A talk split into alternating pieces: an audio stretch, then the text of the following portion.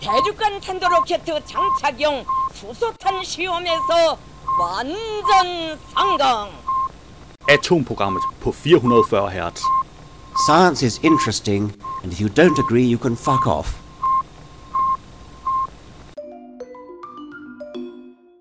Mit navn er Flemming Håkær Sørensen, og du lytter til Atomprogrammet. Jeg har en gevaldig stak nyheder med. den første skulle egentlig have været med i sidste uge, men ved en fejl kom den ikke med. Det er nemlig ikke set siden 1970'erne. Forskere har genopdaget den somaliske elefantspidsmus. Ja. Derudover så har jeg også en masse friske nyheder. Saras vidundermaske. Kan den dræbe corona? Danske studerende kendt i hele verden har løst astronomisk mysterium. Forskere har med ny teknik 3D-scannet tre dyremumier i uhørt detaljegrad. Asteroide har måske kurs mod jorden. Ny forskning. Den smeltende is på Grønland er nået et kritisk punkt. Unge finder 1100 år gammel skat. I stjernernes skygge. NASA-teleskop kan afsløre ninja-planeter. Fossil af forhistorisk havmonster fundet med bæst af et byttedyr i maven. Pulvermad i tre måneder. Om lidt drager Sebastian og Karl Johan ud på livsfarlig mission. Og så skal vi selvfølgelig have ugens opdatering fra NASA. På videnskab.dk fandt jeg, ikke set siden 1970'erne, forskere har genopdaget den somaliske elefantspidsmus. Ingen forskere har set den somaliske sengi, som også går under navnet somalisk elefantspidsmus, siden begyndelsen af 1970'erne. Men nu har et forskerhold med Steven Heritage fra Duke Lemur Center i spidsen genopdaget det lille dyr. Den somaliske elefantspidsmus har en lang bevægelig næse, som ligner elefantens snabel. Faktisk er det lille dyr beslægtet med andre dyr med snabellignende næser, som søkøer og elefanter. Heritage og holdet af zoologer begyndte deres søgen efter dyret i begyndelsen af sidste år. Og efter at have sat mere end 1200 fælder op, lykkedes det dem at finde otte somaliske sengier. Faktisk fandt forskerne, at den lille somaliske elefantspidsmus er langt mere udbredt, end man troede. Dens udbredelse ser også ud til at strække sig længere end tidligere antaget og inkluderer blandt andet de varme, tørre, stenede dele af Somalia, Djibouti og måske endda nabolandet Etiopien. Da vi åbnede den første fælde og så den lille hårtot på den hale, så vi på hinanden og kunne ikke tro vores egne øjne. Det var fantastisk. Efter analyser af de fundne dyrs anatomi og DNA, kunne forskerne ikke kun bekræfte, at den somaliske elefantspidsmus lever i bedste velgående. De opdagede nemlig også, at det lille snabeldyr indtil nu har været fejlklassificeret af forskere. Heritage og forskerholdet har derfor udnævnt den somaliske sinki til at være en særlig slægt, hvilket vil give den det nye navn, Galegiska rivuili. Du kan naturligvis finde både billeder og video med den somaliske elefantspidsmus, hvis du følger linket i show notes. På BT fandt jeg, danske studerende kendt i hele verden har løst astronomisk mysterium. Et 30 år gammelt astronomisk mysterium er nu blevet løst, og det er i en førsteårsopgave af tre danske fysikstuderende. Det har nu gjort dem verdenskendte inden for fysik. De tre studerende, Christian Krav Jespersen, Johan Bok Severin og Jonas Winter, har studeret gammaglimt. Et særligt fænomen, der består af nogle kortvarige, men meget intense eksplosioner i rummet. Et udbrud af gammastråling fra to stjerner, der støder sammen. Hidtil har vi ikke vidst meget om gammaglimt, fordi forskerne ikke har kunnet finde frem til underkategorier på gammaglimt. Men det har de tre studerende nu formået. Det er trin 0 i videnskab. Hvis du har lyst til at studere æbler og pærer, er det godt at vide, hvad forskellen er på de to. Hvis man eksempelvis kun kigger på længden af frugt, kan man godt komme til at blande æbler og pærer sammen, siger den ene studerende, Christian Krav Jespersen. For de tre studerende startede det hele med, at de alle interesserede sig meget for computerens muligheder for at bearbejde tal på nye måder. Derfor gik de i forbindelse med deres første årsopgave til deres vejleder og spurgte, om han ikke havde et problem, de kunne prøve at løse. Og det havde han. Endda et problem, som ingen har kunnet løse i årtier. Tre måneder senere præsenterede de tre studerende deres opgaveresultat, og vejlederen kunne se, at det ikke var en helt almindelig førsteårsopgave. Den bød nemlig på mere, og vejlederen opfordrede derfor de tre studerende til at fortsætte arbejdet. Anerkendelsen for resultatet kommer dog ikke kun fra vejlederen på det danske Niels Bohr Institut, hvor de tre studerende går. Forskere fra hele verden har kontaktet dem og endda omtalt dem som doktorer. En titel, som normalt kræver en Ph.D., men drengene er ikke engang færdige med deres bachelor endnu. Og når anerkendte forskere får det at vide, bliver de forbløffet. Du kan naturligvis finde et link til artiklen i show notes. På videnskab.dk fandt jeg, forskere har med ny teknik 3D-scannet tre dyremumier i uhørt detaljegrad. Dyrevelfærd var ikke på toppen af dagsordenen i det gamle Ægypten. Det er forskere fra Swansea University i Wales nu blevet bekræftet i, efter at de brugte en ny metode til at 3D-scanne tre dyremumier. Metoden hedder MicroCT og er baseret på CT-scanning, en teknik brugt i lægevidenskaben, der bruger stråling til at give et komplet billede af mumierne med alt inden i i tre dimensioner. Forskerne har nu delt de makabre scanninger af henholdsvis en kat, en slange og en fugl. De gamle Ægyptere var vilde med at mumificere både dyr og mennesker, og dyremumier blev som regel enten begravet med deres afdøde ejere eller brugt som offergaver til guderne. Dyremumier var en hel industri, og dyr blev opdrettet udelukkende med det formål at blive mumificeret. Både slangen og katten menes at have været en del af den industri, da de begge bærer tegn på at være blevet slået ihjel i en ung alder. At undersøge mumier har længe været en udfordring for arkeologer. I modsætning til i 1800-tallet, hvor man åbnede mumier for at få et kig ind, vil forskerne i dag helst undgå at beskadige mumierne, og man har derfor måttet ty til forskellige ret begrænsede metoder.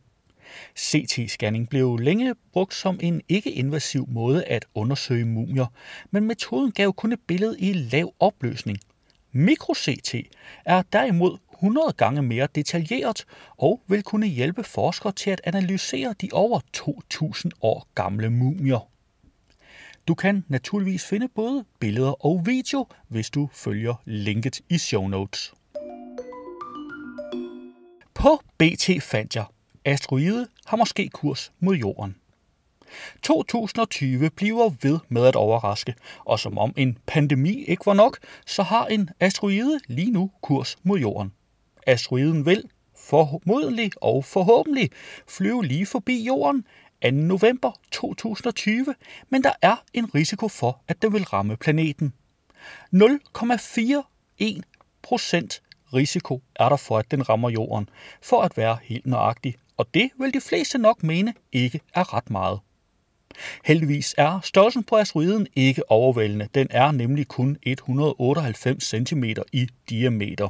Til sammenligning skønnes den største asteroide nogensinde mål til at være mellem 4 km og knap 9 km bred. Af samme årsag anses den ikke som potentielt farlig af NASA, men man holder alligevel øje med den. Asteroiden, som har fået det mundrette navn 2018 VP1, blev første gang observeret 3. november 2018, og sidst man så den var 13 dage senere.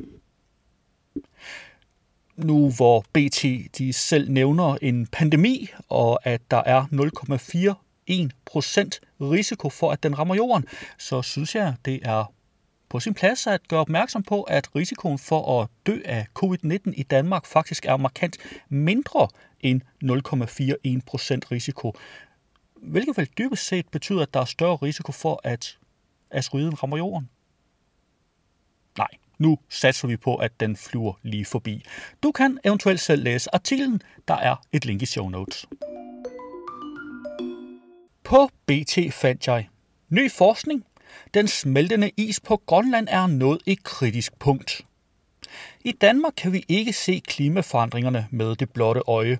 Det kan man til gengæld i høj grad hos vores nabo nordpå, Grønland. Her forsvinder landets karakteristiske indlandsis og gigantiske gletsjere med rystende fart. Den smeltende is sker langt fra os, men konsekvenserne kan risikere at komme tæt på. Ny forskning fra Ohio State University viser, at smeltningen af isen er nået et så kritisk punkt, at tiltag mod den globale opvarmning ikke kan stoppe udviklingen.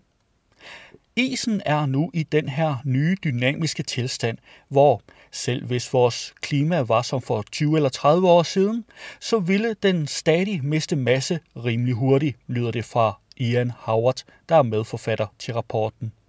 At tilstanden i Grønland er alvorlig, konstaterer andre forskere også. Sidste år advarede et internationalt forskerhold om, at afsmeltningen af indlandsisen er blevet syv gange kraftigere på tre årtier. Det betyder, at der forsvinder 250 milliarder ton is ud i havene hvert år. Samtidig giver det en stigning i havene på 1 mm, og det bliver kun værre. I slutningen af dette århundrede får det helt konkrete konsekvenser for mennesker over hele verden. Strande og byer bliver oversvømmet. Millioner af mennesker kan ende på flugt. Der er mange steder, som i Florida specielt, hvor alene en meter stigning vil dække meget af det eksisterende land, siger hovedforfatteren Michael Lea King. Problemet er også, at isen smelter i uforudsigelige ryg.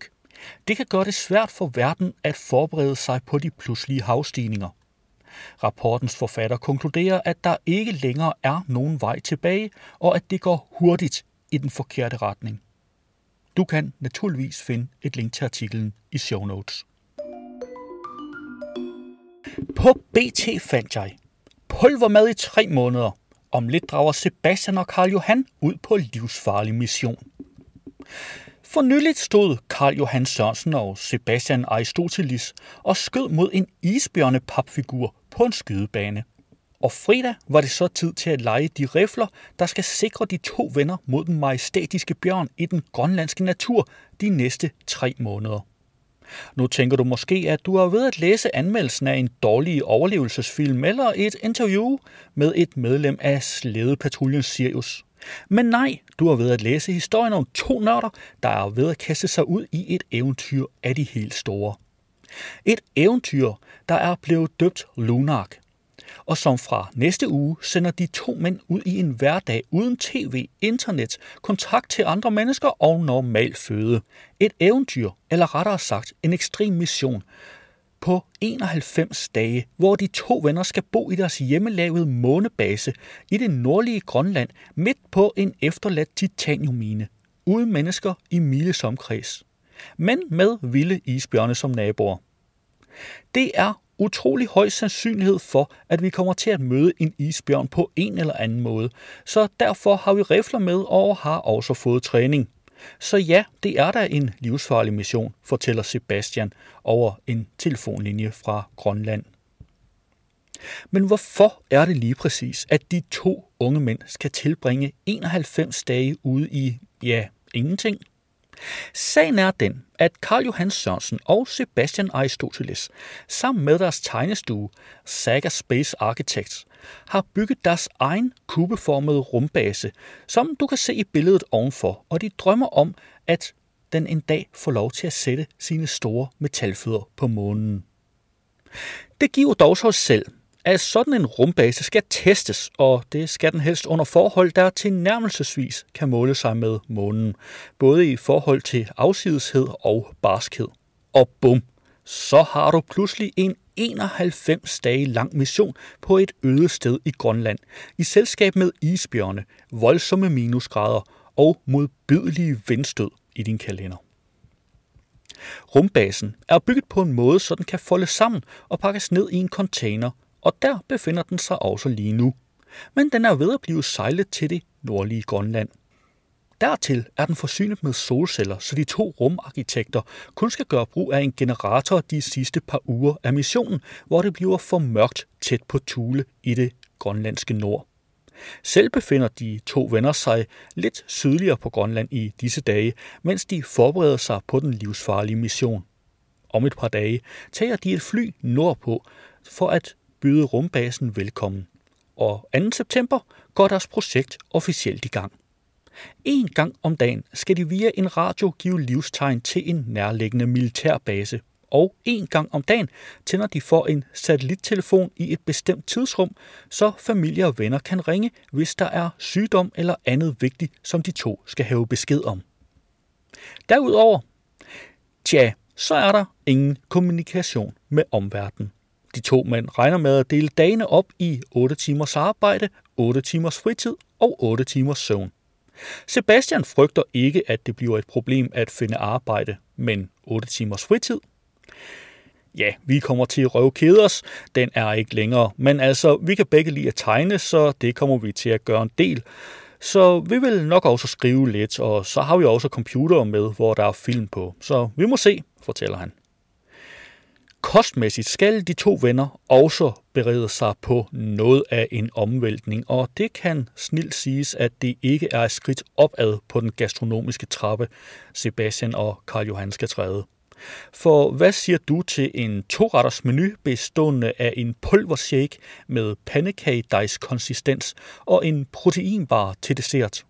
Hver evig eneste dag i 91 dage.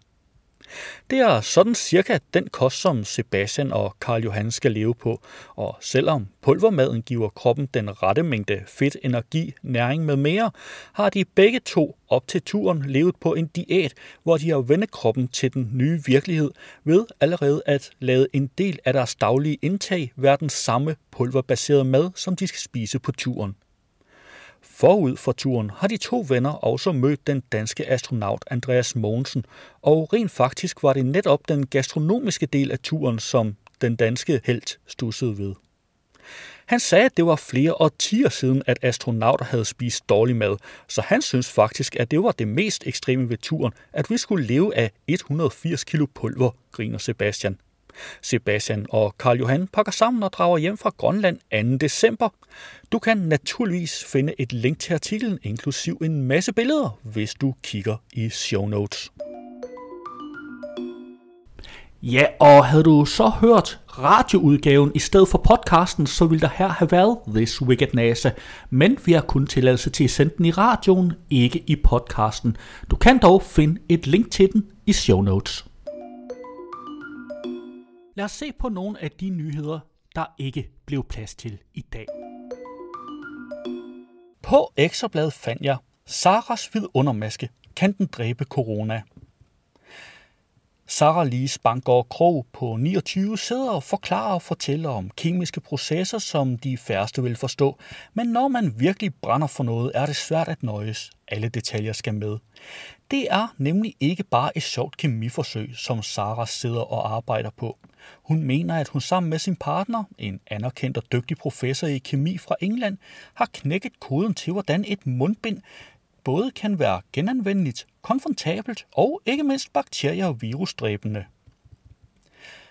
Jeg havde planer om, at man kunne tage et stykke flettet tyk garn, døbe det i gips, og når det så størknede, ville det give et rigtig flot mønster, der ville kunne bruges som for eksempel vægpynt. Men så var der en, der spurgte, hvordan man ville holde det rent fra snavs og støv i alle riller og huller. På den måde kom jeg på ideen med et selvrensende vægtapet. Da jeg begyndte at nørde i det med selvrensende vægtapet, fandt jeg en masse videnskabelige artikler, der omhandlede et bestemt metaloxid, der sammen med UV-lys skaber en kemisk proces, som simpelthen dræber eller uskadeliggør flere bakterier og virus. Jeg kontaktede forfatteren bag artiklerne, og han er heldigvis min partner i dag. På Ekstrabladet fandt jeg, unge finder 1100 år gammel skat. En gammel lærkrukke er for arkeologer et ganske typisk fund. Men for en gruppe unge frivillige på et israelsk udgravningssted skulle indholdet af krukken vise sig at være alt andet end almindelig. Den indeholdt nemlig hele 424 guldmønter, der viste sig at være 1100 år gamle. Det var utroligt. Da jeg udgravede jorden, så jeg, hvad der lignede meget tynde blade. Da jeg så efter, viste det sig at være guldmønter, fortæller Ors Cohen, der var med til at afdække den begravede skat. På videnskab.dk fandt jeg, i stjernernes skygge, NASA-teleskop kan afsløre ninja-planeter. Det ydre rum er et mørkt sted, og i dets kroge ligger der meget gemt, endda planeter, men nu indikerer i studie, at et nyt rumteleskop fra NASA kan vise os flere af dem.